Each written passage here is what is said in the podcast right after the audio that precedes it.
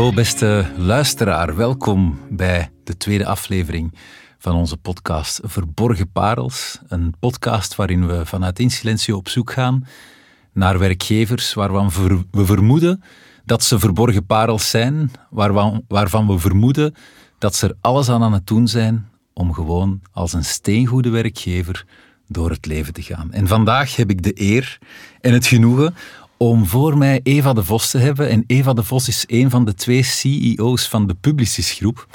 En uh, ik vind het zelf nu al heel boeiend, omdat ja, we zijn natuurlijk met Silencio zelf een uh, communicatiebureau. En als je denkt communicatiebureau, denk je heel vaak aan thema's als hoge werkdruk, als veel sfeer, als ook wel korte deadlines, als veel eisende klanten. En dan maakt het bij momenten wel een enorme uitdaging om als goede werkgever ook door het leven te gaan. Maar toch heb ik er vertrouwen in dat zij ons vandaag gaat weten te inspireren met heel wat van de ideeën en de initiatieven die zij neemt binnen Publicis Groep. Want onlangs is zij met Publicis Groep voor de eerste keer als eerste communicatiebureau in België gaan lopen met het Great Place to Work certificaat. En ik weet uit ervaring dat je zo'n certificaat niet zomaar haalt. Dus, uh, beste Eva, welkom welkom in deze podcast. Dank u, Tom. Um, ik zou eigenlijk eerst eens meteen willen beginnen met de vraag, die Great Place to Work. Vertel eens wat dat met u heeft gedaan, dat je twee maanden geleden dat certificaat ineens haalt. Oh, ik kon dat niet geloven. Toen dat, dat nieuws binnenkwam, uh, ik kon dat echt niet geloven. Um, ja, dat was mijn, mijn doel vijf jaar geleden toen ik startte als co-CEO van Publicis Groep. Uh, om, om er echt een, een leuke werkplek van te maken waar mensen zichzelf kunnen zijn en dat ze het plezant vinden om te komen werken. En ik had wel van in het begin voor ogen dat ik dat wel door een onafhankelijk instituut wilde uh, bevestigd zien. Het mocht niet zijn Eva die dat beweert. Uh, Het mhm. moest uiteindelijk door een onafhankelijk instituut zijn. Uh, maar de weg daar naartoe was geen gemakkelijke. Um, en om het dan eigenlijk in, ja, na anderhalf jaar coronatijd met heel veel thuiswerken, heel veel moeilijkheden voor alle bedrijven, ik denk dat we allemaal uh, gestruggeld hebben en onszelf hebben moeten heruitvinden, om het op dat moment te halen, dat was totaal onverwacht. Het mhm. was de eerste keer dat we deelnamen en ik dacht, we doen mee om eens te zien hoe ver zitten we vanaf. Ik wilde zien hoe ver zitten we er vanaf en dan, een klassiek, we gaan een actionplan uitwerken en zien hoe dat we daar misschien dan volgend jaar gaan geraken. Mhm. En ik was dus super verrast dat we het van de eerste keer hadden en zij eigenlijk ook. Zij zeiden ook van dat het toch wel vrij zeldzaam is dat ze een bedrijf hebben dat de eerste keer meedoet. Uh, of het is niet zo gebruikelijk, ik weet niet of het zeldzaam is, het is niet zo gebruikelijk, zeiden ze, om te zien dat een bedrijf het onmiddellijk haalt. Dus ja, des te groter was mijn verbazing, denk ik. Uh, dus het heeft even moeten uh, op mij inwerken, alvorens dat ik het echt durfde omarmen en te zeggen van wauw, we hebben het gedaan. In elk geval, in elk geval proficiat. Nu, ja. um, het is niet de eerste keer dat wij elkaar ontmoeten vandaag. Um, ik weet ook dat jij iemand bent die... Je bent ondertussen acht jaar uh, geleden gestart bij toen nog Publicis mm -hmm. als managing director. Ja. Het is pas nadien dat je uh, mm -hmm. de CEO of een van de twee CEO's bent geworden van Publicis Groep. Maar daar zit wel een heel verhaal, een heel verhaal achter dat onze luisteraar zeker eens wil uh, horen, denk ik. Uh, hoe dat ik CEO ben geworden? Of hoe, wat ja, hoe dat, dat, hoe, hoe dat, dat gerold hoe is? Hoe dat, dat inderdaad ja. voor jou, hoe die stappen zijn gezet Gezet geweest. geweest oh, ik denk dat het sowieso niks in, in mijn leven is het resultaat van een plan. Mm -hmm. Ik ben geen planner, ook niet in mijn privéleven. Alles is open. All options zijn altijd open, zowel privé als eigenlijk ook in, uh, in mijn carrière, zoals, met, zoals dat, dat heet. Um, ben gewoon gestart uh, in een groot internationaal reclamebureau, altijd goed gewerkt en altijd ook wel het geluk gehad van met mensen samen te werken die ergens in mij meer potentieel zagen dan ik zelf zag in mij. En dus altijd vrij snel doorgegroeid naar andere posities, meer verantwoordelijkheid. En nogal vaak, er is een probleem, oké, een moeilijke klant, een moeilijk project, hup, we gaan Eva erop zetten en dan, hè, ik denk dat ik iemand ben die gemakkelijk vertrouwen in, in boezem. Dus zo is dat gestart. Um, nooit met een ambitie om hogerop te uh, geraken. Maar um, in dat bedrijf ben ik mooi doorgegroeid naar toch business director. Dus voilà, zonder dat het een plan was. Mm -hmm. En op een dag, dus ik was daar elf jaar, een trouwe werknemer, hè, was ik daar elf jaar. En uh, mijn eerste stagemeester kwam mij terughalen En die zei, Eva, we hebben een plaats als managing director uh, in een bedrijf bij ons uh, en ik wil jou daarvoor. En mijn woorden waren toen, maar ik, maar ik ben helemaal geen managementmateriaal, zei ik. Ik ben geen managementmateriaal, waarom wilde mij een man managementpositie? Ik ken daar niks van. En, uh, dus ik wilde die stap niet zetten, ik durfde dat ook niet. Um, toen zei er een collega van hem, die had mij opgebeld en die was denk ik goed gebriefd en die heeft toen de heel gevleugelde woorden gesproken, waarschijnlijk zonder het zelf te beseffen, maar dat heeft mij wel de stap doen zetten. Die zei, waarom, waarom durfde niet? En ik zei, ik kan dat niet. En hij zei, kan je dat? Nee. Ga je dat kunnen? Ja. En dat heeft mij zo gerustgesteld van, dat ik niet vanaf de eerste dag alles perfect moest kunnen. Want ik denk mhm. dat dat een beetje, dat is wel wie dat ik ben, hè, heel plichtsbewust. Ik wilde dingen goed doen. Dus ik dacht, ja, ik ga dat niet kunnen. En dat was een soort van een geruststelling die hij mij gaf, van dat ze eigenlijk ook niet van mij, mij verwachten dat ik alles direct zou kunnen. En zo ben ik begonnen als managing director bij Publicis, en denk een, een zestigtal mensen toen. En na drie jaar waren we mooi uh, gegroeid, uh, mooi creatief werk gemaakt. Uh, en toen kwam de vraag van de groep, oké, we hebben acht bedrijven in België, die moeten allemaal samengaan onder één noemer Publicis Groep zijnde. Uh, dat is een heel nieuw businessmodel, een hele transformatie die moet uh, uitgerold worden. Um, ja, wij willen jou daarvoor aan het stuur zetten, samen met Karel Vink, mijn co-CEO, die toen managing director was van een van die acht bedrijven. En zo zijn we eraan begonnen, eigenlijk vijf jaar geleden, aan dat nieuw verhaal Publicis Groep, een nieuw businessmodel. En uh, ja, dat is een beetje in een notendop hoe dat het allemaal gelopen is. Ja. En wanneer in dat proces wist je dan ook, ik wil een steengoede werkgever zijn? Um, werkgever uh, met in een ampleur, omdat we nu 220 mensen uh, hebben, was echt wel die dag dat ze mij hebben genomineerd voor co-CEO. Ik heb toen direct gezegd, oké, wow dat is wel iets heel groot. Ik ben nog maar drie jaar managing director. Ik zag wel dat dat iets was dat mij lag. Ik had dat nooit gedacht van mezelf, maar ik vond dat heel plezant eigenlijk om opeens te zien, wauw, je kunt echt wel een positieve impact hebben op mensen. Dus wat ik al had gedaan bij Publicis zelf als managing director, uh, heb ik wel vanaf dag één geprobeerd om meer gelijke kansen voor iedereen te creëren. Want daar merkte ik wel dat door allerlei factoren, uh, dat er wat favoritisme uh, was ingeslopen. En voor mij is dat een superbelangrijke in mijn leven, zowel privé als professioneel, gelijkheid. ik kan niet tegen ongelijkheid, dus ik probeer iedereen dezelfde kansen te geven. Dus ik had dat wel al kunnen doen bij Publicis zelf als managing director. Um, en ik vond dat ook eigenlijk heel fijn om te zien dat ik toch zo een positieve verandering voor een aantal mensen kon, uh, kon brengen. Uh, maar ik, ja, dan had ik toch wel wat ambitie en dacht ik van, ja, dat zou eigenlijk wel tof zijn. Moest ik all the way daar kunnen ingaan. En eigenlijk van Publicis uh, een, een super werkgever maken, een super toffe werkplek. En ik zat toen al met het idee te spelen, eigenlijk heb ik daar iemand voor nodig aan mij zij. Iemand die daar wat meer van af weet en die daar ook de volledige focus kan op houden. Want mhm. bon, als managing director, CEO, heb je wel heel veel borden tegelijk in de lucht te houden. Hè. Mm klanten, financiële uh, belangen, operationele dingen, uh, uw mensen. Um, dus ik had toen al bij Publicis eigenlijk dat idee van ik zou graag een talent director aan mij zij hebben. Maar ja, je moet wel een beetje schaal hebben om zo'n investeringen uh, te doen. Want toen, was je, toen waren jullie Toen waren we, ja, en uiteindelijk, dus in dat laatste jaar waren we denk ik al 75, 80, okay. waren we al gegroeid. Ja. Uh, maar bon, dat zijn wel serieuze investeringen. Hè? Ja, en zeker in een internationale groep, opnieuw, uh, shareholders, targets enzovoort, is dat geen zo'n evident, want dat is een pure kost, een overhead. Allee, zij zien dat althans zo. Dus het is geen zo'n evidente. Dus ik zei, oké, ik wil dit gaan doen. Opeens word ik nu verantwoordelijk voor 220 uh, eh, mensen samen met Karel. Ik wil dat doen als ik vanaf dag één een talent director aan mijn zij mag hebben. Omdat we moesten ook een enorme transformatie, echt een business transformatie gaan doorvoeren. We hadden acht bedrijven, acht verschillende culturen, acht verschillende financiële uh, situaties, acht verschillende reputaties in de markt, ook acht verschillende expertises. Sommige overlapten elkaar een beetje, andere stond, allez, stonden mijlenver van elkaar af. Mhm. Dus om zoiets te gaan doen met het idee, wacht, ik wil wel ooit beste werkgever uh, worden. Uh, ik heb daar iemand voor nodig aan mijn zij. Ik kan dat niet alleen. En dat heb ik gevraagd en mijn toenmalige regionale CEO is daarin uh, meegegaan. Ik denk dat het voor hem vooral belangrijk was dat ik dat ging gaan doen, heel die transformatie. En die zei van, oké, uh, dat is goed, uh, doe jij maar met je talent director. en zo ben ik een talent director vanaf dag één gaan zoeken. Um, ja. En zit die persoon er nog op vandaag? Zit er nog altijd, ja. En zij heet Veerle de Vos. Dus het is geen zus of familie van mij. Eva de Vos en Veerle de Vos. Dat is best wel nog grappig. Uh, en ik heb haar echt gecast omdat ik niet een klassiek um, ehm, HR-persoon wilde. En klassiek niet pejoratief of zo, maar gewoon niet iemand die echt een klassieke scholing in HR had. Dus ik was echt op zoek naar iemand...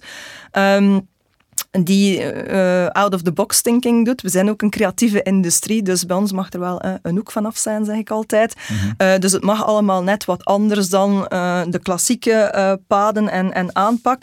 En zij, had, zij, zij kwam ook vanuit de reclame- en communicatiewereld, had ook lang bij een concurrerend bureau ook mee in management gezeten. Maar ze, ze, ze, was daaruit gestapt en was eigenlijk, had zich omgevormd tot coach. Um, personal coach en ik weet niet welke specialisaties allemaal. En ja, ik dacht, ik wil eens afspreken met Veer om te zien wat dat zij daarvan van denkt, van mijn idee om een best place to work uh, te worden. En of dat ze dat ziet zitten om mij ook te begeleiden in heel die transformatie. En dat klikte vanaf dag één. En uh, ik denk, ik, ik ben iemand die een visie heeft, maar ik neig soms een beetje naar uh, eerder de conventionele paden te gaan. Terwijl dat ik eigenlijk altijd op zoek ben naar het onconventionele. Maar zelf zie ik mezelf toch als iemand eerder conventioneel, maar ik ben altijd aangetrokken tot het onconventionele, ook in mijn privéleven. Dus ik vond dat Vere dat kon bieden. En dat we daar eigenlijk heel complementair in konden zijn. Ik wel degene met de visie van waar dat ik naartoe wilde, die ook moest zorgen dat de cijfers ook wel volgen, dat is ook niet onbelangrijk. Maar zij die dan de invulling zou geven en de manier waarop dat we dat zouden bereiken, die best place to work, dat mocht wel anders dan hoe dat, ja, andere bedrijven dat aanpakken, ik zal het mhm. zo zeggen. En nu, vijf jaar later, uh, zit ze er nog altijd. En uh, ja, gaan we gewoon nu verder en willen we jaar na jaar een great place to work worden. Want het mag natuurlijk niet stoppen met deze eenmalige uh, uh, erkenning voor een jaar die je dan krijgt. Mhm. we moeten het jaar na jaar halen. En um, ja, dus ik hoop dat ze nog lang aan mij zij blijft. Ehm. Ik hoop het met jou, ik hoop het met jou. Maar iets in mij zegt dat dat, dat, dat geen, geen probleem hoeft te zijn. Um, Oké, je, je, zegt van ja, ik had een visie om een great place to work te worden, om, of om een goede werkgever te zijn.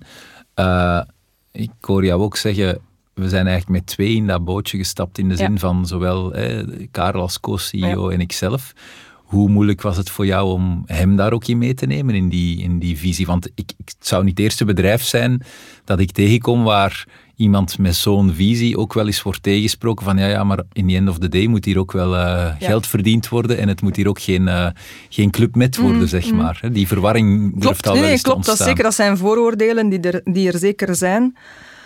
Ik denk, ik en Karel, uh, we kenden elkaar niet echt op voorhand. Dus het is ah, zo'n beetje toch een gearrangeerd huwelijk, uh, als je wilt. Maar uh, we hebben toch heel snel ontdekt dat we dezelfde waarden delen in ons leven. Dus dat is al een, een goed, ver, goed vertrekpunt. Ja, um, het goed voor hebben met anderen.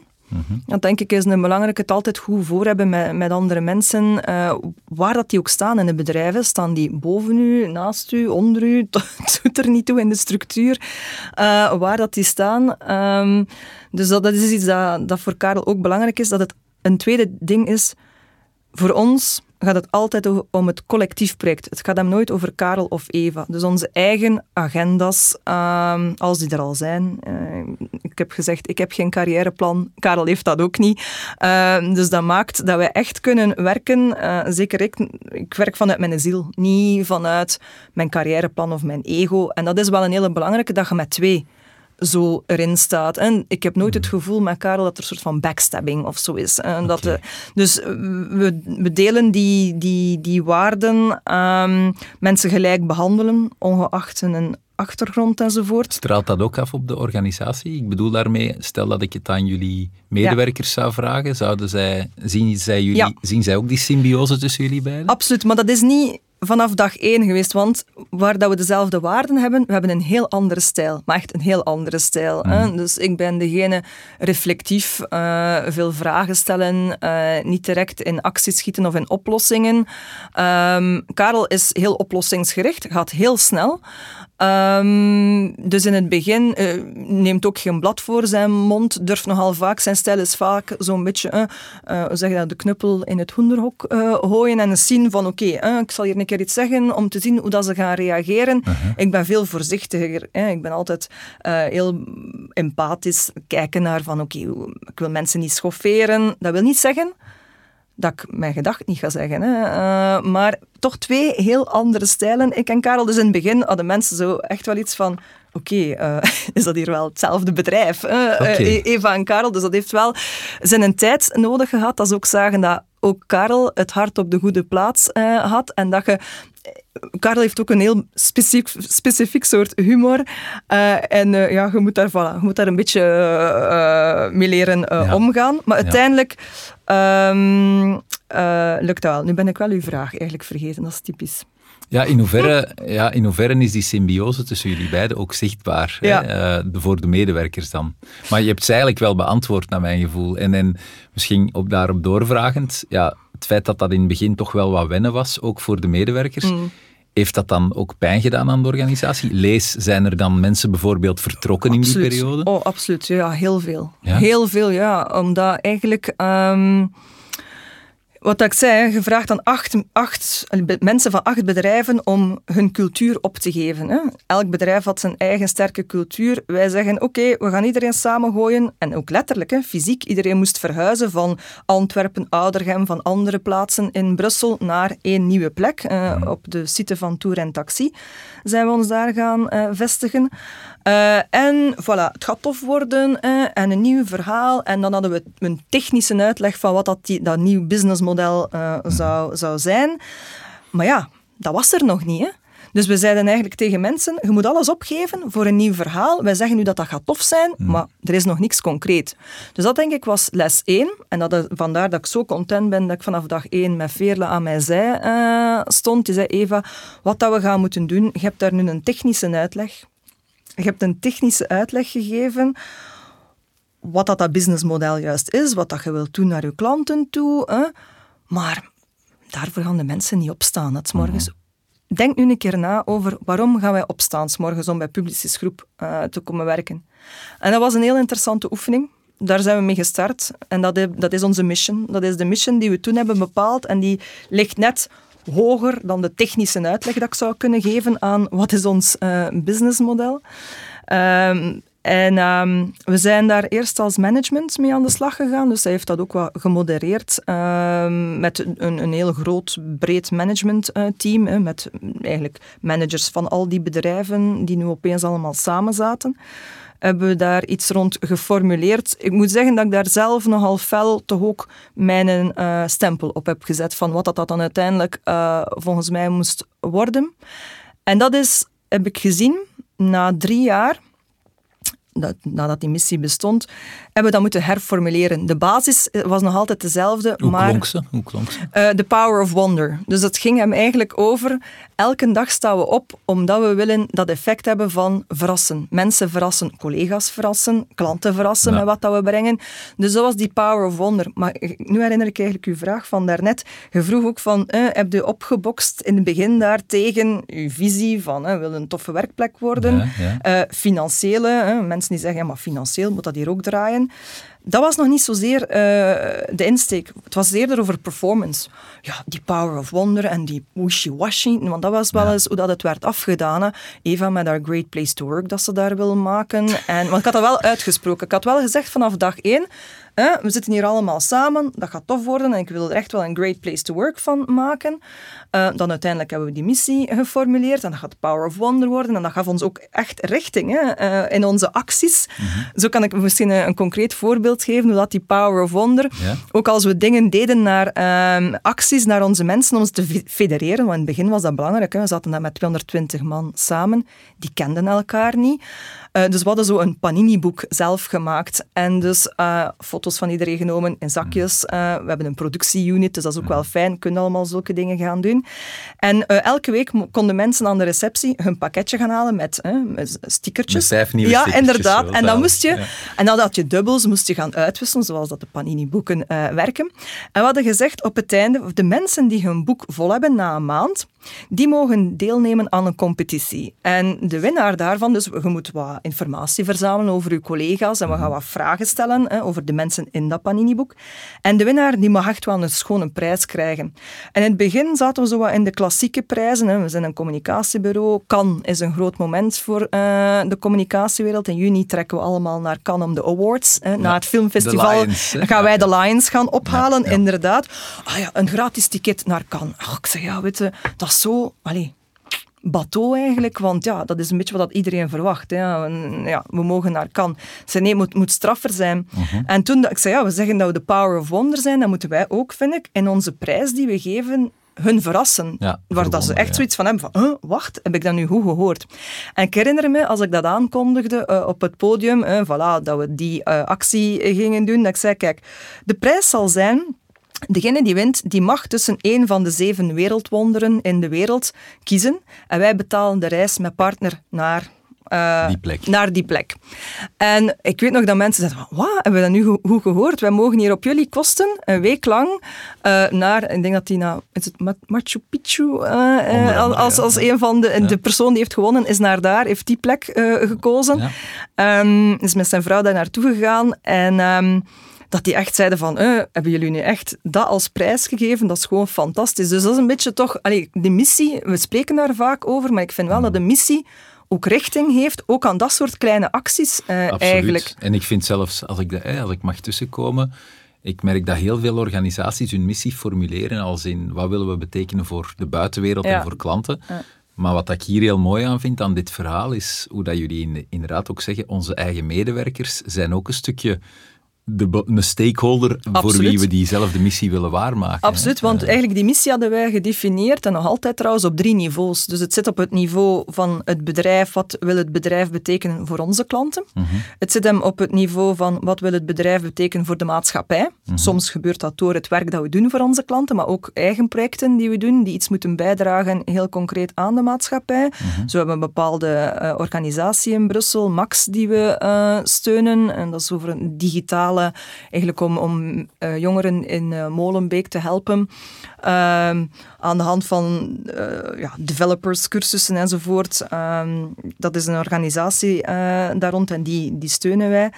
Eh, en het derde niveau is echt op persoonlijk niveau, de werknemers zelf, eh, die helpen eh, zichzelf te verrassen eh, uit hun comfortzone, de, de, sp- het, het, het veel gebruikt, gebruikte woord, om uit hun comfortzone te gaan, te groeien als personen. Dus dat was van in het begin op drie niveaus altijd geformuleerd. En dat is een hele belangrijke. Vandaag hebben we dan nog altijd die drie niveaus. En die waarden die we toen eigenlijk hadden gedefinieerd, zijn nog altijd dezelfde. Want na drie jaar, wat, hebben we, wat dat we hebben gedaan, Tom, dat was wel een belangrijke. Op een bepaald moment voelde ik, we waren door heel veel dingen gegaan. Hè. Je hebt me gevraagd, zijn er mensen vertrokken? Ja, er zijn heel veel mensen vertrokken. Want we hadden hun gevraagd veel dingen op te geven. We hadden wel een nieuw verhaal hè, dat gaandeweg vorm aan het Maar nemen was, nog redelijk abstract. Maar dat was begin, allemaal hè? toch, Ja. allee, dat moest gebouwd worden. Ja. Dus je vroeg eigenlijk ook heel veel geduld van die mensen. Ja. Als er nu net iets is wat dat, denk ik creatieven of creatieven van geest misschien niet zo hebben, is veel Geduld. geduld. Dus veel mensen vertrokken, maar er was een andere reden waarom dat ze vertrokken. Persoonlijke agendas. En dat denk ik is ook een belangrijke voor mij, een belangrijke les. We hadden natuurlijk heel veel ambitieuze mensen met 220, eh, mensen die vroeger managementposities hadden bekleed in een van die bedrijven. Ja, die zaten allemaal te wachten van, ja, en mijn rol nu? Wacht, dat wordt iets nieuws. Maar wat gaat mijn rol zijn? En mijn, ik heb wel mijn eigen carrièreplan en ik wil dit en ik wil dat. En dat was eh, niet altijd mogelijk eh, om die rollen altijd onmiddellijk zo te definiëren. Voor sommige mensen hebben we dat toch geprobeerd en ja, it didn't work out. Ehm, en, Dus je eh, bent in die periode wel een paar keer afgeweken van je eigen principes om toch maar goed te doen voor bepaalde persoonlijke agenda's. Ja, maar dat doe ik nooit. Dus dat is denk ik wel, ehm, ja, misschien moet ik dat even verduidelijken. Wat ik eigenlijk probeer te doen, of dat is een, althans mijn, mijn visie, wij kunnen maar als bedrijf succesvol zijn hè, en onze targets halen en voor onze klanten een grote klantentevredenheid eh, halen, want daar draait het eh, uiteindelijk eh, om. Als wij ehm, ja, erin slagen om de individuele belangen, eh, de individuele groei die mensen toch eh, voor zichzelf eh, willen, laten samenvallen met de groei voor het bedrijf. En dat is een beetje theoretisch wat ik nu vertel, maar dat is wel belangrijk. Maar het collectieve, dus dat collectieve, die collectieve groei van het bedrijf, de collectieve missie, is altijd primair. Mhm. die, die, die, die primeert op de individuele belangen. We gaan wel gaan kijken voor iedereen, oké, wat zijn uw talenten? Uh, welke rollen hebben wij? Ah, oké, misschien, soms creëren we ook wel rollen rond mensen, maar Mhm. alleen als ze bijdragen tot het collectief, Voilà. collectief project. Dus dat is Samen wel... naar de vlag. Ja, voilà. Dus het mag niet... Ik zeg ook altijd... Nee, mensen geven ons terug dat we een heel eh, menselijk bedrijf zijn. En human-centric zeggen ze dan. Eh, maar ik zeg ook altijd, dat betekent niet dat we op alles ja zeggen. Hè. Eh, en het is niet omdat we mensen centraal stellen dat ik op alles ja zeg. Hè. Het is gewoon gaan kijken, ehm, als wij willen succesvol zijn eh, en, on- en onze missie eh, ja, deliveren, dan moeten wij zorgen dat we goed talent aan boord hebben, sterk talent. Ehm, dat is één. Die mensen moeten goed kunnen samenwerken. Dat is een hele belangrijke in onze, in onze job, dat weet jij ook eh, uit ervaring. Als je, wij zijn niets op onszelf. Hè. Alles gebeurt door samenwerking. Creatieven met strategen, met productiemensen, mensen vanuit meer een media eh, background. Eh, left brain, right brain ook. Hè. Dus het echt met heel diverse profielen qua expertise, maar ook van Qua persoonlijkheid. qua. Dus je moet die allemaal laten eh, samenwerken. Ehm, en eh, dat denk ik is het, is het belangrijk om te gaan kijken, oké, binnen dit alles, al die personen, sterke talenten, die moeten samenwerken, rollen die nodig zijn om te deliveren op die missie. Hoe kunnen we dat allemaal laten matchen? En dat is mijn dagdagelijkse bezigheid met mijn team. Ehm, En wat zijn dan zo manieren die jullie in het leven hebben geroepen om ook het collectieve bewustzijn over wat zijn dan de verschillende talenten die we hebben, wat Ja. zijn dan de verschillende persoonlijkheden die we hebben? Zijn er bepaalde tools die jullie hebben benut, gebruikt, eh, ontwikkeld? eh, tools, dat... Ik denk maar aan ja. bijvoorbeeld, hè, er zijn vandaag meer en meer organisaties die de MBTI's en de insights Ah, van ja, deze wereld erbij nemen om een soort gemeenschappelijke taal te creëren, waardoor dat we ook verder kijken dan wat kan iemand, maar dat het ook wordt wie is iemand en wie is iemand qua persoonlijkheid en qua gedragsvoorkeuren. Niet eh, met tools, wat dat we wel doen. Veerle, die dus onze talent director is, Ja. dus die gaat heel persoonlijk te werk. Ik denk dat dat eh, een van de succesfactoren is van ons, eh, van ons verhaal vandaag. Hoe gepersonaliseerd dat we, dat we werken. Ehm, zij gaat echt gaan samenzitten met ons leadership team, eh, maar ook mensen in operations, hè, zodanig dat ze feedback heeft van langs alle kanten. En gaat kijken, oké, wie heeft wat nodig? En dat zijn natuurlijk de klassieke eh hard skill trainingen, eh, waarvan dat ik mag hopen dat alle bedrijven die aanbieden. Maar dat gaat veel verder. Dat gaat voor mij vooral, wat dat mij interesseert, zijn die soft skills. Mensen echt leren, samenwerken. Wat betekent dat? Dat betekent luisteren. Maar echt luisteren hè, geïnteresseerd zijn in de andere. En niet daar al direct zitten met uw eigen vooringenomenheid. Ehm, veel vragen stellen, u kwetsbaar durven opstellen. Eh, dus dat draait hem daarom. En dat is heel veel, eh, dat is niets dat, dat je zo gefixt hebt. Hè. Dus daar steken we heel veel tijd in. Zij doet dat gepersonaliseerd. Als we echt mensen merken waar dat het wat meer nodig is, die wat meer eh, coaching daarin eh, nodig hebben, dan gaat ze heel gepersonaliseerd met die mensen te werk. Maar ze gaat ook soms teamsessies geven. Hè. Bepaalde teams dat er wat frustratie zit, of een nieuw team dat, ja, waar dat het wat moeilijk is om, om cohesie te vinden, gaat ze echt met het team werken. om begrip, vaak gaat dat, hè, om begrip te creëren eh, voor stukje elkaar. eh, faciliteren, Ja. modereren binnen het Absoluut. team, eerder dan een Absoluut. training te geven. Ja, inderdaad. Ja, het is niet, als ik zeg training, het is inderdaad niet zo allee, een PowerPoint of zo. Nee, het is echt in gesprek gaan met mensen.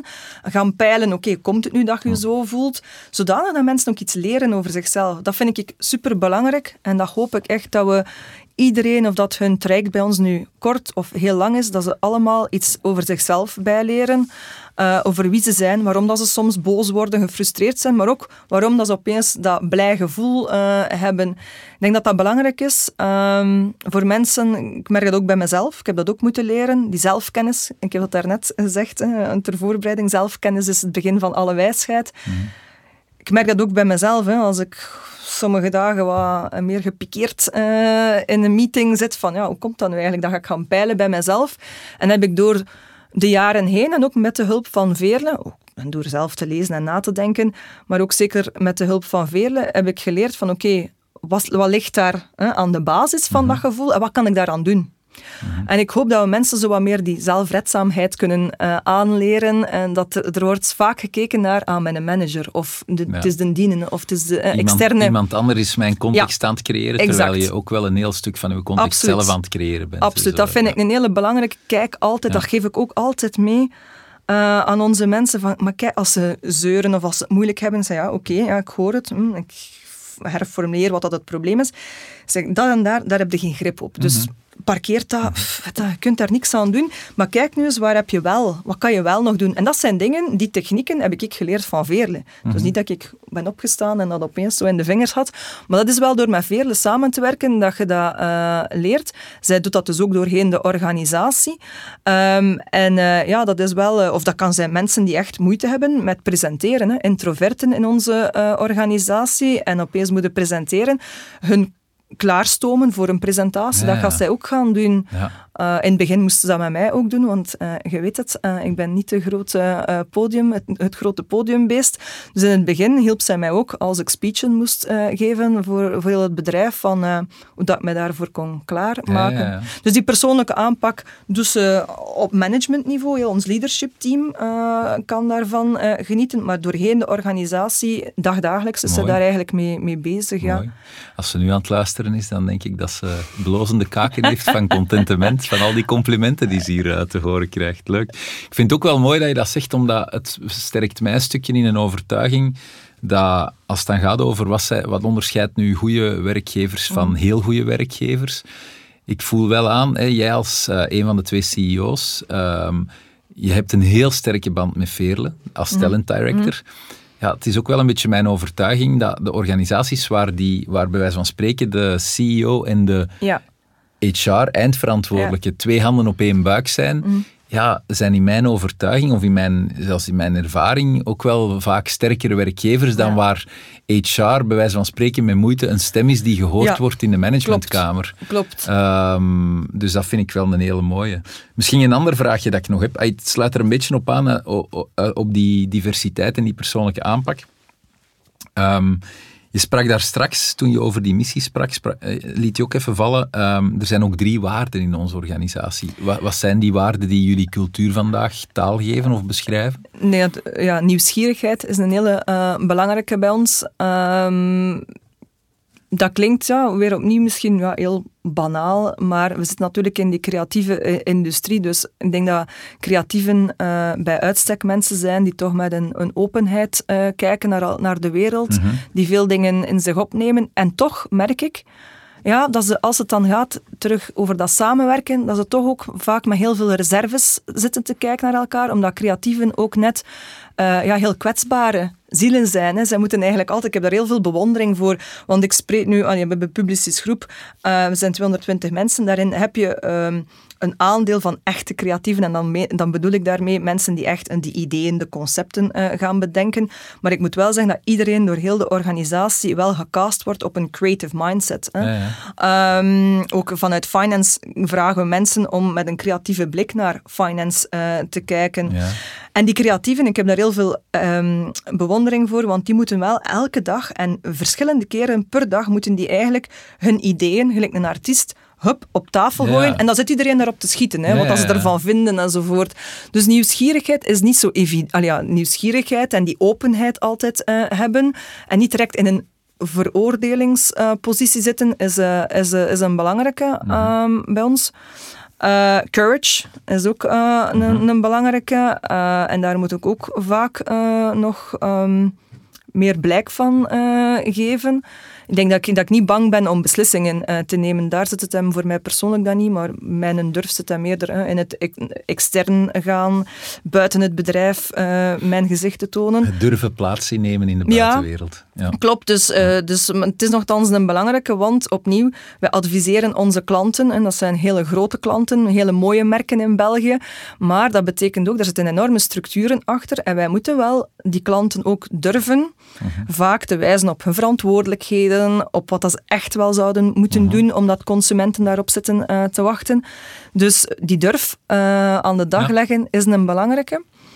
Uh, en de derde? Ja, Curiousness, uh, Kurt, ik denk dat we er eigenlijk uh, vier of vijf zelfs ah, okay. ja, hebben. Ik weet niet waarom dat ik daarnet iets van drie zei.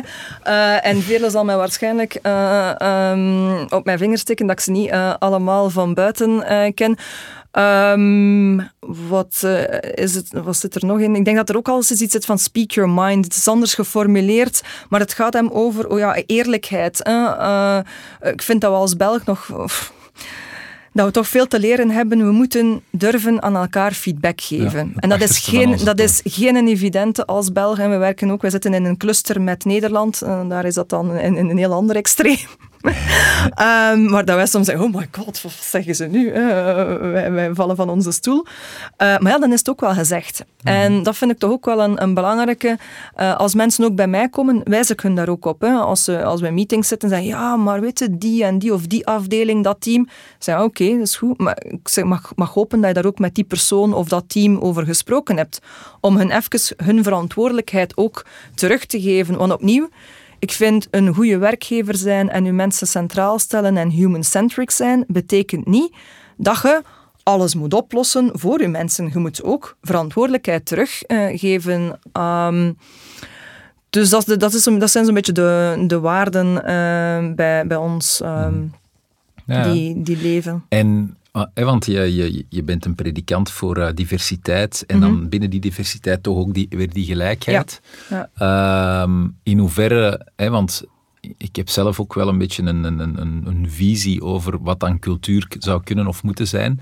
En ik zeg altijd, ja, er zijn heel veel dingen waar je diversiteit zeker moet nastreven, maar er is één ding waar dat je het misschien beter niet nastreeft. En dat is op de mate waarin iemand zich kan vereenzelvigen met de cultuur van het bedrijf of de waarde van het bedrijf. Met andere woorden, wees zeer streng op de mate waarin iemand effectief die waarden ook leeft. Ja.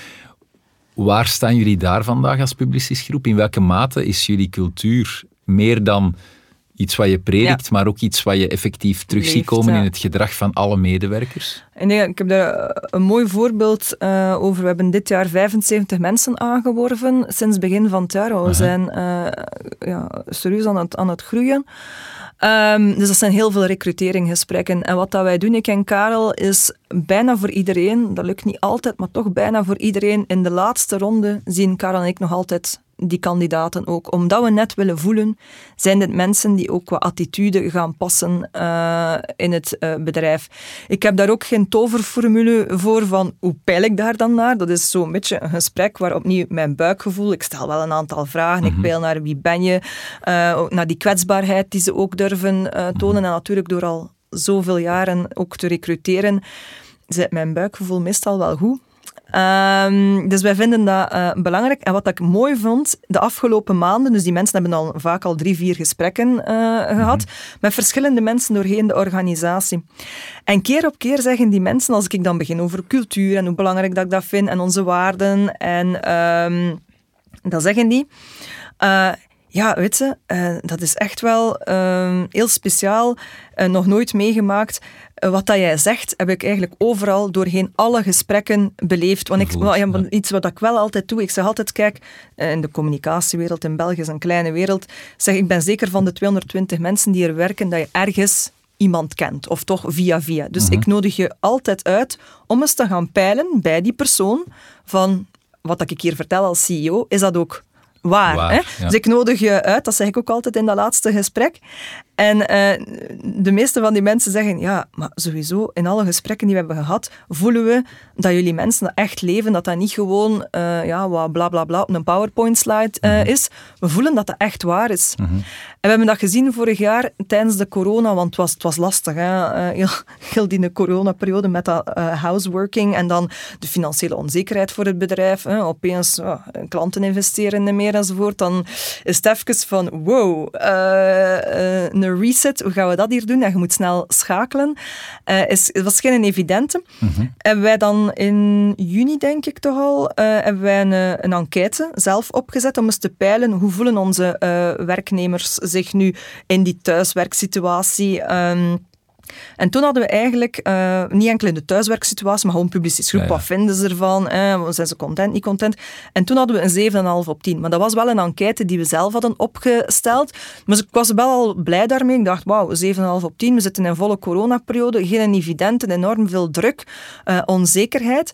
Maar opnieuw, wat ik denk dat ons daar heel veel goede punten uh, oplevert, is hoe dat wij die coronacrisis hebben aangepakt. Daarvan zeggen onze mensen nog vandaag, spontaan, zonder dat ik daar naar peil, kunnen ze dat vandaag nog aanhalen als voorbeeld van Eva Karel, hoe dat jullie dat hebben aangepakt. Dat vonden we echt fantastisch. En waar en, en wat, bedoelen, ja, ja, wat, wat bedoelen ze dan effectief? Dat gaat eigenlijk over twee dingen. Dat gaat enerzijds over hun uh, fysieke veiligheid, want oké, er was die fameuze week waar dat er verteld werd, oh, een pandemie, corona, misschien de regering zal ergens samenkomen, die bewuste vrijdag. En we hadden eigenlijk al beslist, Karel en ik, de woensdag van Mitte, wij gaan gewoon iedereen vrijdag al naar huis sturen. Wij gaan de donderdag al even een test doen voor onze 220 mensen. Werkende systemen kunnen wij een call doen met 220 mensen samen. Hè. We hadden dat allemaal al gecommuniceerd. En we hebben niet gewacht op de regering. Dus de donderdag hadden wij die test gedaan. Mm iedereen de vrijdag zat van thuis te werken. En toen kwam het nieuws de vrijdag van de regering. Oké, iedereen gaat van thuis werken, bla bla bla. Dus de mensen al van, ja, super, hè. wij zitten al thuis, we hebben al getest. Ehm, dus uh, dus die, die, die vonden dat op zich al eigenlijk ja, toch wel al speciaal. Want je zag dat veel concurrenten ja, die waren dan, oké, wat moeten we doen? die moesten, ja, we waren aan het zoeken, wat moeten we gaan doen, enzovoort. Dus dat was een eerste heel ja, functioneel bijna, pragmatisch van wat, uh, hoe pakken we dat uh, aan. En we hebben in heel die periode ook mensen echt van thuis laten werken en niet gepusht om toch misschien te komen werken. We hebben wel geluisterd naar mensen die zeiden, kijk, ik ben alleen na een maand, twee maanden, mhm. ik, ik hou dat gewoon niet vol om gewoon alleen op mijn, uh, op mijn kamer te zitten. Mag ik toch komen werken? En die hebben we dan wel toegelaten en gezorgd dat de omstandigheden veilig uh, waren. Dus dan zijn we toch al terug weer wat dat individuele, die gepersonaliseerde ja, aanpak. Voilà, je moet toch wel kijken. Je kunt een regel hebben, want als je met 220 bent, kun je ook niet voilà, alles ad hoc gaan doen. Je moet wel een aantal regels hebben. Maar er is altijd ruimte voor een gepersonaliseerde aanpak. Dus dat is luik 1 van die corona-periode de echt, ik zou zeggen, fysieke en mentale veiligheid van ons mensen. Over dat mentale moet ik misschien toch nog wel zeggen. Ook Veerle heeft daar weer uitstekend werk gedaan. Hè. Die is direct begonnen met elke dag de tip of the day. En dat was, uh, dat kon zijn over gaan wandelen, dat kon zijn uh, de Headspace-app, die we ook van ons internationaal netwerk gratis konden ter beschikking stellen van onze uh, uh, mensen. Yoga, ze heeft trouwens ook elke week bij ons yoga-sessies. de, is ook de Headspace-app is een... Ja, dat is een soort van, hoe noem je dat nu? Uh, meditatie. Dat is een ah, meditatie. dat is een meditatie-app. ja, Headspace, dat is iets dat je kunt uh, downloaden. Normaal moet je daarvoor uh, betalen, maar dus die, is, die stellen wij gratis ter beschikking. Ah, mooi. Dus zij gaf elke dag tip of the week. Um, zij hielp ons ook, ik en Karel, van ja, wanneer dat we moesten communiceren enzovoort. als er mensen, als we hoorden van onze teams dat, ze het moeilijk, dat er mensen het moeilijk hadden in hun teams, stuurden we haar dan virtueel naar die mensen toe.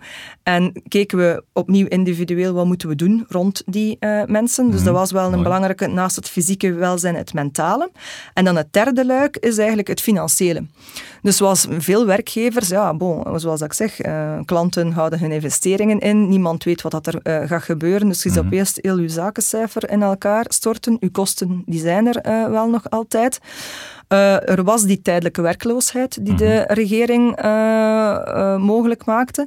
En we hebben gezegd, we hebben lang gewacht alvorens um, die in het leven te roepen, die tijdelijke werkloosheid. We hebben toch een, een, maand, denk ik, of misschien langer, ja, zeker een maand, de kat uit de boom gekeken en gezien, oké, is dat nodig? Want het was heel raar in het bedrijf. We hadden mensen die superveel werk hadden, vooral onze strategische mensen, hè, want klanten moesten veel advies krijgen. Mhm. Maar als we keken naar de productiecel, ja, er die, was geen, die, die, was stilgevallen. En toen zeiden we, op een bepaald moment zagen we wel van, we gaan toch moeten iets doen, want we weten niet hoe dat, dat hier gaat uitdraaien. Dat duurt hier veel langer dan gedacht. Dus we gaan wel uh, die tijdelijke werkloosheid installeren, maar we gaan voor een solidair principe. Iedereen gaat één dag in de week uh, niet werken. Uh, management, ook degenen die veel werk hebben enzovoort. En op die manier voilà, kunnen we het een aantal ja. weken wel beredderen. En we willen ook echt dat die dag dat er niet gewerkt wordt. Want wat ik wel heb gezien rondom mij, is dat er heel veel werkgevers eigenlijk misbruik hebben gemaakt van mhm. die tijdelijke werkloosheid en hun mensen hebben laten uh, werken en ondertussen de marge hebben gewoon toch wel nog verhoogd. Ja, en wij zeiden, dat mag het geval niet zijn, want wij voelden op, e, opnieuw, toen dat we dat hebben aangekondigd, iedereen zei super, dat jullie voor een solidariteitsactie uh, gaan, want het gaat even goed kunnen zeggen, ja, too bad jullie in productie, ja. Lastig voor jullie, maar ja, jullie hebben geen werk, dus jullie gaan zelfs op volledige uh, werkloosheid. iedereen voelde zich zo wel, hè, we're in it together, ook degenen die veel werk hadden. Maar na toch twee, drie weken merkten we de druk, de werkdruk bij die mensen die echt wel veel werk hadden. Ja, dat mhm. was niet te houden in een vier uh, dagen week. Dus toen hebben we een, ja, een risico genomen. Hebben we eigenlijk vroeger dan dat we konden, en, en als ik zeg konden, dat is dan als ik naar de cijfers uh, kijk, hebben we gezegd, nee, we stoppen daarmee. Dat is gewoon niet te doen. De mentale druk is te hoog. Het is een risico dat we nemen, want we weten niet of dat, dat cijfer zich zal herstellen. Mhm. Maar we moeten denken aan onze mensen. En we hebben dat dan eigenlijk na zes weken, denk ik al, uh, gestopt. En opnieuw, onze mensen waren ons daarvoor dankbaar van, oef, ah, we kunnen tenminste terug gewoon normaal uh, gaan werken. Mhm. En het mooiste um, uh, aan, aan, dit alles is dat we op het einde van het jaar ons cijfer heel mooi zelfs hebben gehaald, uh, zonder misbruik te maken van mooi. het tijdelijk werkloosheidssysteem. En dat we nog op het einde van het jaar onze mensen uh, een, een, premie hebben kunnen geven allemaal. En voilà, dat denk ik is gewoon, it sums it up dat is de samenvatting van wie dat wij zijn. Hoe dat we ook in zulke moeilijke omstandigheden, dat we ook nog nooit hadden meegemaakt. Hè. En voor mij en Karel was het ook, ja, zoals alle uh, uh, bazen. Hè. Ik denk je moest, niemand, hè, ja. Je moest gaan, gaan uitvinden, maar als je vertrekt opnieuw van je waarde waarvoor dat je staat, ja. dat kun je eigenlijk niet misgaan, mm is mijn conclusie. Ja, mooi. En dat geeft onze mensen vandaag nog altijd terug. Om op het einde van het jaar, ook vorig jaar, hadden we dan een gepersonaliseerd kaartje. Dus voor onze 220 mensen als Christmas gift uh, hadden we uh, een heel toffe box met heel veel leuk... Oh, een puzzel, weet. Dat was ook eigenlijk opnieuw die een puzzel, dat, dat lijkt zo misschien zo... Uh, Oké, ja, een puzzel, Eva, wat gaat je daar nu over gaan vertellen? Wel, die puzzel, dat was doordacht. Want we hadden zoiets van, ja, we zouden nu kunnen weer een ginbottle sturen en, uh, ik weet niet, een paar koekjes en dit en dat. Uh, maar laat ons misschien... Ehm, mensen hebben nu een gans jaar achter die een computer gezeten. Het is nu twee weken kerstvakantie. We gaan iets, iets geven. Family time. Ja, voilà, reunites with the family. Maar in een puzzel had wel de highlights van ons bedrijf van dat jaar. Alle highlights stonden daarop. En mensen kregen wel geen deksel met de foto, dus ze moesten zelf gaan uitzoeken wat, dat, wat dat ze eigenlijk aan het ah, maken waren. Dus dat gaf heel veel animositeit uh, in de Facebook, uh, interne Facebookgroep. en daarnaast, er zat wel twee biertjes in, om toch, we zijn Belgen, dus we toch ook wel een beetje... voilà, exact, moet toch wel een beetje versnapering bij zitten. Een toffe pul, de Lionhearted, want wij zijn met Publicis, ons logo is een, is een leeuw, dus Lionhearted met uw naam op je, op uw, uh, op uw sweater. Uh, een toffe tote bag, zo dat, dat meer klassieke dingen. Maar daarnaast, in elke box zat er een persoonlijk woord van ik en Karel voor elke van onze werknemers uh, om een heel specifiek te bedanken voor iets dat zij hadden gedaan. We waren ja, natuurlijk mooi. geholpen door onze teamleads, die uh, voor bepaalde mensen waar dat we iets verder vanaf staan, die zeiden van ja, kijk, die persoon, dat is die die dat heeft verwezenlijkt. Ah, oké, okay, ja, dat is juist. Dan zagen wij weer wat dat, dat was. Ja. En dan hebben wij dat, uh, ja, een persoonlijk tekstje rond uh, geschreven. En uh, ja, mensen waren echt super verbaasd toen dat ze dat thuis geleverd kregen, uh -huh. uh, die persoonlijke boodschap. Opnieuw die verwondering waar jullie ja, naar streven. Exact. En, en ja. Ja, zo zie je maar dat soms in de kleine dingen zit. Hè? Waar Ja. dat je echt het verschil Waar dat je het verschil maakt. Ik heb er wel, als ik eerlijk ben, Tom, ik heb erop gevloekt om zoveel teksten te moeten schrijven. Ik zei tegen, tegen Veerle en het team door ons, ah, elke avond zat ik in december te schrijven, te schrijven. Ah, Karel ook. Ik zei, Karel, hoe ver zit jij? Ik heb er al zoveel. Ah ja, dat is een beetje onderlinge competitie. Eh, maar wat dat je terugkrijgt, it makes it worth. Hè. Denk ik dat, dat, dat moet je ook als CEO altijd zien. Ja, je moet soms van je eigen tijd veel opofferen, maar je krijgt er heel veel voor terug, vind ik. Uh, Absoluut. Ik denk, en het is voor iedereen een uitdaging. Ik heb het zelf ook al heel vaak mogen ervaren als een uitdaging. Uh, maar als je het kan opbrengen om prio te geven in je agenda aan met je team, met de medewerkers bezig Mhm. te zijn, dat op een of andere Dat manier... het pays back, hè? Het pays back. En En het- en het, en het it doesn't only pay back in de, zeg maar, in de resultaten Nee, van de organisatie, klopt. maar ook een stukje in je hart, zeg Ja. maar. Hè. Het, het geeft, Ja, het een- geeft, je warm, een warme Het voldoening. geeft een, ja. een, een warm gevoel. En ik zeg ook altijd, ik moet mensen nooit vragen. Ik had onlangs een interview en die journalist vroeg, ja, en jullie industrie, en zoals dat jou zelf ook zei, heel veel deadlines, hoge werkdruk enzovoort. Ehm, ja, Eva, je vertelt dat allemaal, maar betekent dat dan in uw, uw organisatie eh, eh, dat er nooit gewerkt wordt in het weekend of 's avonds laat? Ik zeg tegen hem, weet je, eh, ja, dat gebeurt wel, maar niet omdat ik dat vraag. Je moet ook beseffen, als je eigenlijk een goede werkgever bent, heb je ook bevlogen mensen in je bedrijf. En ik moet nooit vragen, doe dat een keer vanavond of doe dat een keer in het weekend, als die mensen dat willen doen, omdat ze nog verder willen gaan, hè, omdat ze zodanig gedreven zijn, ehm, dat ze het goed willen krijgen. Ja, ik ga niet tegenhouden om s'avonds nog door te werken of in het weekend. Wat dat we wel soms doen, we houden mensen soms wel tegen als onze mens, ons leadership team aangeeft, die moet opletten. Die is te veel in het rood aan het gaan. Ja, ja, daar moeten we Dat is een perfectionist, te plichtsbewust, dan gaan we wel ingrijpen. Maar voor de rest grijp ik niet in. Eh, mensen kunnen autonoom hun eh, dingen plannen. En effectief, ja, dat is, voor bepaalde hoor ik dan zeggen op maandag, ja, ik heb van, het- van het weekend nog daar en daar aan gewerkt. Ja, soms denk ik van, oh, ik heb je weer gewerkt in het weekend. Maar ja, als die mensen dat zelf willen doen om iets beter te krijgen, Mhm. eh, ja, dan, dan ga ik hun ook niet, niet tegen eh, eh, Ja, houden. het is soms een dunne lijn tussen betuttelen en, en, en, Ja. en, en, en toch leiding Ja. geven. Hè? Ja, Dus die, ik denk, je moet mensen ja, autonomie geven in hoe dat ze dingen willen organiseren. Dat merk ik wel in onze Great Place to Work bijvoorbeeld. Iets waar dat we wel mee struggelen is die workload. Hè. In onze industrie is geen evident, omdat ook voor klanten is het niet zo gemakkelijk ja, om dingen te plannen. En, en voilà, dan komen zaken last minute bij ons en ja, wij moeten dan snel eh, ja, een, een strategie of een creatie of een productie doen of een aanbeveling doen en gelijk wat. Ehm, dus ehm, die werkdruk is heel hoog. In teams, want het is bij ongeveer wel iedereen hoog, dat kan een keer fluctueren, een beetje meer in productie, wat meer bij strategie, soms is het creatie, Ehm, soms is het bijna allemaal tegelijkertijd.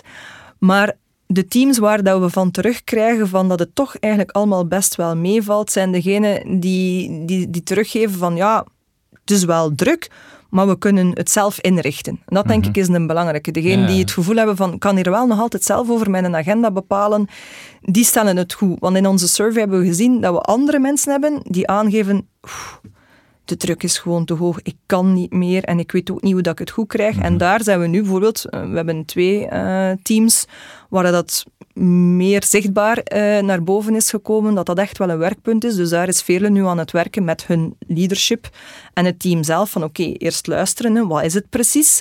Want het is ook niet altijd een one-fits-all nee. oplossing. Hè. Wat is het precies? Oké, daar moet op gewerkt worden, daar moet op gewerkt worden.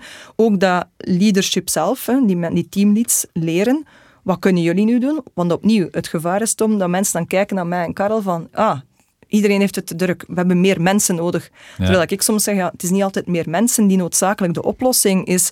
Daarom dat we Soms goed is moeten... het ook de manier van werken, is durven dat. in vraag stellen, dingen Of, of juiste keuzes, herprioritiseren. voilà, juiste, keuzes, maken. Ja. En dat is wel... En dat, er is die con- continue wisselwerking doorheen het, heel het bedrijf. Dus ik zit hier zeker niet eh, te pretenderen van we zijn een great place to work en het is allemaal fantastisch en iedereen komt elke dag eh, het is al fluitend binnen. Nee, nee, Mhm. er zijn nog altijd... serieus, elke dag opnieuw zijn er heel veel werkpunten. Hè? Ja, ja. ja dat, dat is misschien interessant dat je dat benoemt, want dat brengt mij eigenlijk bij een ander stuk waar ik eens naar wil peilen. Want ik merk dat je, je bent eigenlijk, ik hoor heel veel enthousiasme als je vertelt over het team, de organisatie en wat dat je allemaal ervaart qua cultuur. Maar als ik jou eens zou uitnodigen om eventjes naar jezelf te kijken. ehm, Ja. wel, welke, waar zie jij jezelf een, eh, een, een, crucia- een cruciale rol spelen? Of wat zie ik jou doen als medewerker dat, dat echt wel bijdraagt tot, eh, tot dat Ja. sterk werkgeverschap? Maar evengoed, waar zit dan vandaag nog jouw grootste groeipunt? Groeipunt, ja.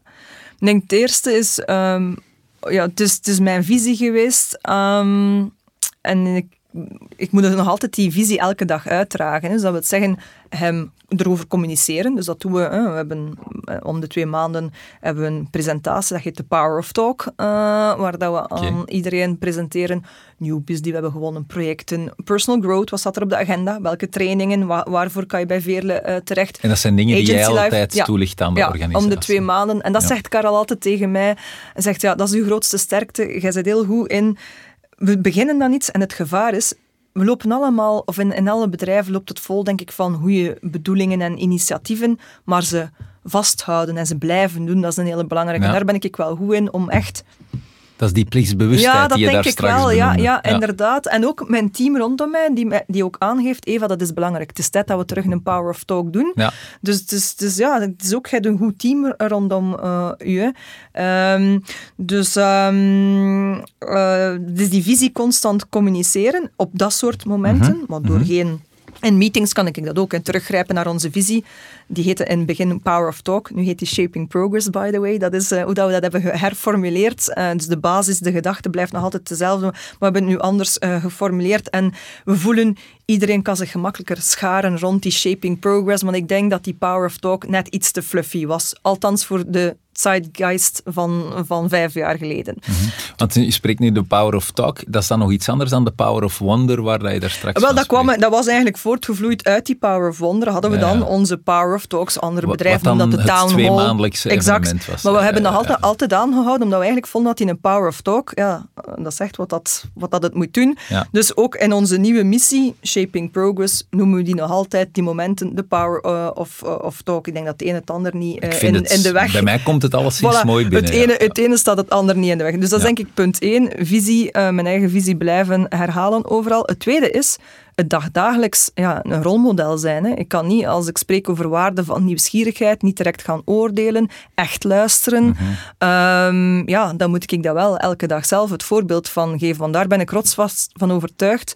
Um, het, is, het vertrekt vanuit management, het vertrekt vanuit de CEO, in ons geval co-CEO's. Ik ken Karel, wij moeten elke dag het voorbeeld uh, geven. Uh, dat lukt niet altijd. Hè. Ik bedoel, ik ben een mens van vlees en bloed met mijn emoties. Er zijn momenten in de dag dat ik ook merk van oeh, hier ben ik te kort door de bocht uh, gegaan.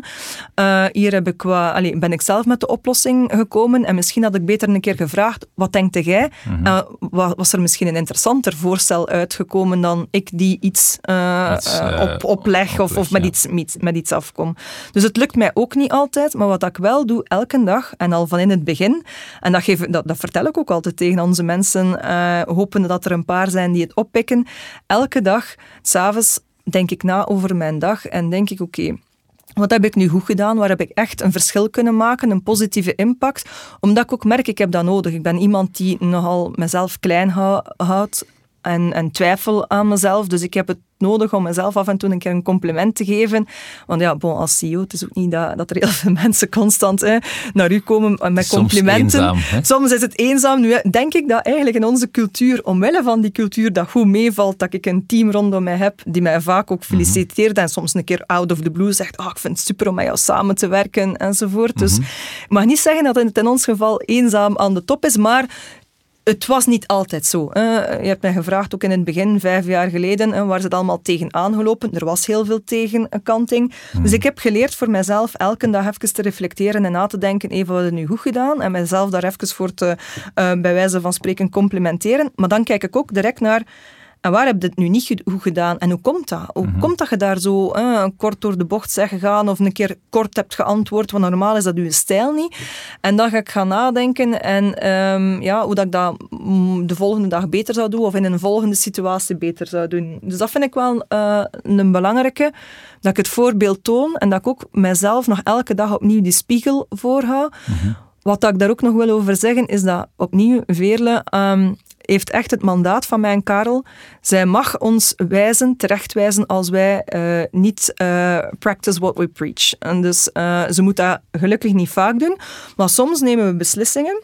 En zegt ze, oh wacht Eva, Karel, ik heb daar gehoord via operations of iemand anders in het HR-team, mm. dat jullie dat van plan zijn mm, mee opletten. Hè? Want als je dat gaat doen, dan gaat dat zo overkomen en dat is niet in lijn met wat dat we zeggen. Mhm. En soms kan het zijn dat het gewoon is doordat wij dan even uitleggen waarom dat we die beslissing nemen. Dat zegt, oké, ik snap wat dat je wilt doen, maar dan moet het wel zo brengen, zo communiceren. Of soms zeggen wij, mm, veerlig gelijk, we moeten daar misschien toch nog eens over nadenken. Dus ik vind dat ook belangrijk als CEO, als managing director, uh, dat je iemand aanduidt in je organisatie die echt letterlijk het mandaat krijgt om ons terecht te wijzen. Om te confronteren met ja, ja, uh, Want het, is, het gevaar is natuurlijk hè, dat mensen dat niet durven. Hè. Zeggen, ja, de CEO die beslist hier wel of dat ik hier mag blijven, dat ik een loonsverhoging krijg. Allee, al dat soort kleine dingen, of, of, geen kleine dingen, uh, spelen mee. En dat denk ik is ook wel een belangrijke uh, ja, in de manier waarop dat wij dingen doen. En zijn er, zijn er zaken, hey, omdat het, het lijkt mij letterlijk een rollercoaster geweest te zijn de afgelopen vijf jaar. Hè, om, om, om uiteenlopende redenen. De, de, de, ambitie die je hebt gehad, de groei die je hebt gemaakt. Corona is daartussen gekomen, noem het allemaal maar op. Zijn er zaken in heel die, in heel die reis waar je achteraf nu van zegt, oh, eigenlijk heb ik daar toch echt wel spijt van, dat had ik anders moeten doen? Zeker, ik denk dat er heel veel kleine dingen zijn die me nu niet direct uh, spring to mind, omdat ik elke dag die oefening doe van wat heb ik niet goed gedaan, zijn die er elke dag, hè, de dingen dat ik eigenlijk anders zou doen. Maar als ik nadenk over grote, er is zeker in heel die transformatie uh, we, we, moesten eigenlijk op een bepaald moment sneller gegaan zijn, sneller doorgetrokken hebben in ons businessmodel. Ik ga niet te veel erover uitweiden, want dat gaat de luisteraar uh, niet echt interesseren. Maar we hadden daar uh, sneller moeten in doorschakelen. En ik wist wat dat we moesten doen. En daar ben ik veel te empathisch geweest. Heb ik veel te veel, veel te lang zitten luisteren naar iedereen en geprobeerd alle belangen misschien toch te verenigen en te zeggen ja, en op een zachte manier, maar eigenlijk is het dat dat we moeten doen. Ja. En dat is het gevaar, denk ik, van mijn van wie dat ik ben. Ik ben zodanig empathisch ja, dat ik soms vergeet van, eh, wacht, ik ben hier wel de CEO, soms mag ik wel een keer zeggen, het is zo en het is niet anders. En als je ja, het er dan niet mee eens bent, ja, dan is het maar gewoon zo. Dus ik denk, in die situatie had ik sneller moeten schakelen. We gingen een jaar uh, gewonnen hebben. Oké, dat is, wel, dat is inderdaad wel... Uh, ja. Dat, is, uh, dat is in hindsight, want achteraf is het altijd uh, gemakkelijk. Hè? Um, maar ik voelde dat op dat moment wel aan. En ondertussen hebben we dat dus op die manier, gelijk of dat ik het dacht, geïmplementeerd. Ja, en iedereen is het erover eens dat dat, dat, dat wel de juiste manier uh, is. Maar soms moet ik dus mijn intuïtie nog meer durven volgen en echt zeggen van nee, weet we, we gaan dat gewoon doen. En je zei daar straks ook... Um van ja, oké, we hebben nu voor de eerste keer die Great Place to Work uh, certificatie gehaald, Mm-mm. maar het is wel onze ambitie om elk jaar nog wat beter ja. te doen. Waar droom je nog van? Wat zijn, de, wat, wat zijn uw grote dromen nog uh, die je met Publicis Groep wil bereiken? En dan heb ik het opnieuw over het werkgeverschap. Ja, um, maar zeker wat ik zeg, elk jaar op het opnieuw doen, want het mag niet, het is geen eindstation, hè, die Great Place uh, to Work nu. Um, ik denk dat je zelfs ook nog een Best Place to Work certificaat kan krijgen. Dat is nog een andere categorie. Hè, dat is nog meer, en dan zit je nog meer bij het zoomen uh, van... Ah, okay. ja, ik denk dat dat zijn ergens de, de tien bedrijven die dan nog uh, ja, die verkozen worden of zo. Anyway, er zijn nog wel een ja, aantal gradaties. Die, die, echt Great Place to Work zijn. Ik geloof dat er een top 10 is die het label krijgt. En daarnaast zijn er een aantal organisaties die het certificaat certificaat krijgen. Iedereen denk ik krijgt het certificaat, maar ah, ja. je kunt, er zijn er tien die, de, die zich dan best place to work ja, mogen labelen. Ja, maar hoe dat je daar geraakt, weet ik niet. Uh, maar dus er zijn wel nog een aantal gradaties in, in heel die uh, dingen. Maar wat dat voor mij misschien mijn grootste droom is, um, is gewoon meer tijd eigenlijk nog te creëren in mijn agenda om gewoon doorheen de organisatie te lopen en gewoon voeling te blijven houden. Want we groeien, hè, nu 220 mm -hmm. mensen, dat voelen we ook wel. Dat is moeilijk om nog iedereen te kennen. Uh, om die gepersonaliseerde aanpak van mij althans. Mensen kunnen dat wel voelen. Om de kerstkaartjes te schrijven. Ja, inderdaad. Hè, als we op PS500 worden, dan weet ik niet wat ik dan ga moeten doen. Maar bon, er zijn allerlei manieren om het toch gepersonaliseerd te laten aanvoelen. Maar dus je voelt wel, bon, uh, dat is al een groot uh, aantal mensen. Uh, en um, die tijd, dat vind ik wel een belangrijk, want ik vind, ja, daar krijg ik energie van. Ik ga nog een concreet voorbeeld geven van ook opnieuw die toegankelijkheid, waar dat Karel en ik toch wel heel veel belang aan hechten in onze rollen. We hebben dus 75 mensen aangeworven dit jaar. En uh, ja, dus uh, heel veel nieuwe gezichten. Opeens mogen we terug naar het bureau, komen de mensen tegen en zeggen, oei, is dat hier mijn bedrijf? Of ben ik hier nu in de verkeerde deur binnengestapt? Maar nee, dat zijn al die nieuwe mensen en je kent die eigenlijk niet meer.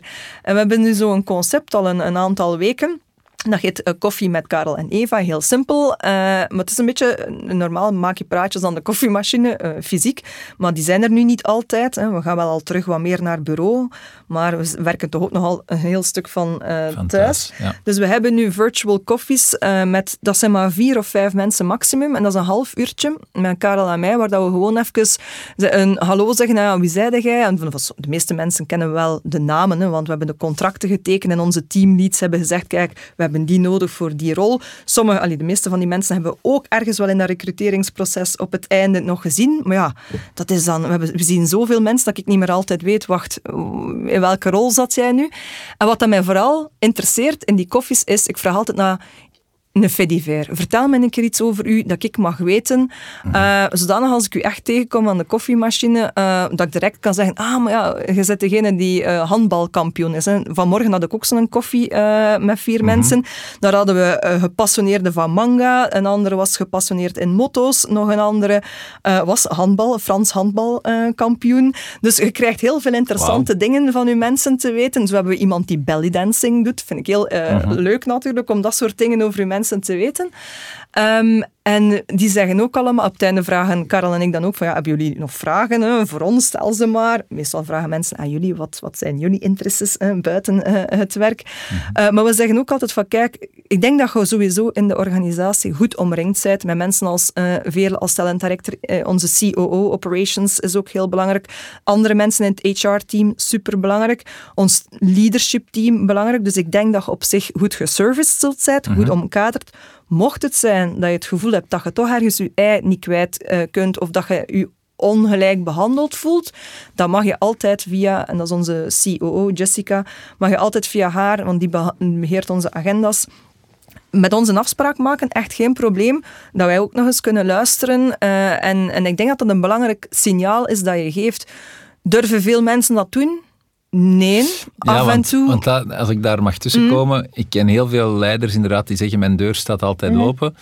Maar ook in een deur die open staat kan nog een drempel zitten. En, en ik, ik vind persoonlijk dat het ook vaak aan de leider is om uit die deur te komen en zelf proactief de, de medewerker op te zoeken. Dus, uh, denk de, gelukkig, de deur is er niet fysiek in ons bedrijf, want we zitten echt te midden van iedereen. We hebben geen aparte bureau, we zitten gewoon tussen iedereen. Dus, dus iedereen die passeert kan gewoon even komen hallo zeggen en, uh, en een babbeltje maken of, met een, of even iets checken met ons. Uh, virtueel is natuurlijk iets moeilijker, die drempel is groter mm virtueel. Mhm. Eh, opnieuw, ik denk als onze teams echt ons aangeven, onze teamleads of Veerle, van daar is een probleem, gaan we uiteraard zelf het initiatief nemen om die, die persoon uit te nodigen voor een gesprek. Maar ik zie toch het feit dat je het signaal geeft is al een, een, belangrijke, ook opnieuw onderschat niet, dat iedereen in die organisatie ook zegt, ja, Eva en Karel, die zijn ook echt wel toegankelijk. Mhm. Ehm, dus als mensen met iets zitten, ja, kunnen, het gebeurt. Het gebeurt niet vaak, Tom, maar het, het gebeurt als ze bij ons uh, uh, komen. Wat op ehm, zich wel een leuk uh, signaal is. Hè? Ja, zeker. Want dus, opnieuw, eh, ik vind het heel fijn om... Ik zeg altijd, ik heb mijn usual suspects en dat ik elke dag spreek uh, in mijn team. Maar ik vind het zo plezant. En dat is... Mijn droom is, die een tijd, dat je met iedereen een organisatie... En dat ik begrijp, we hebben zoveel specialisten. Allee, dat is dan ook... Je moet je heel nederig opstellen als CEO. Hè, want we hebben zoveel experten in onze, in onze teams eh, van heel veel van die mensen, ik begrijp maar half wat dat die echt doen. Ik begrijp er voldoende van om te snappen, oké, dit is belangrijk hè, in het algemeen plaatje.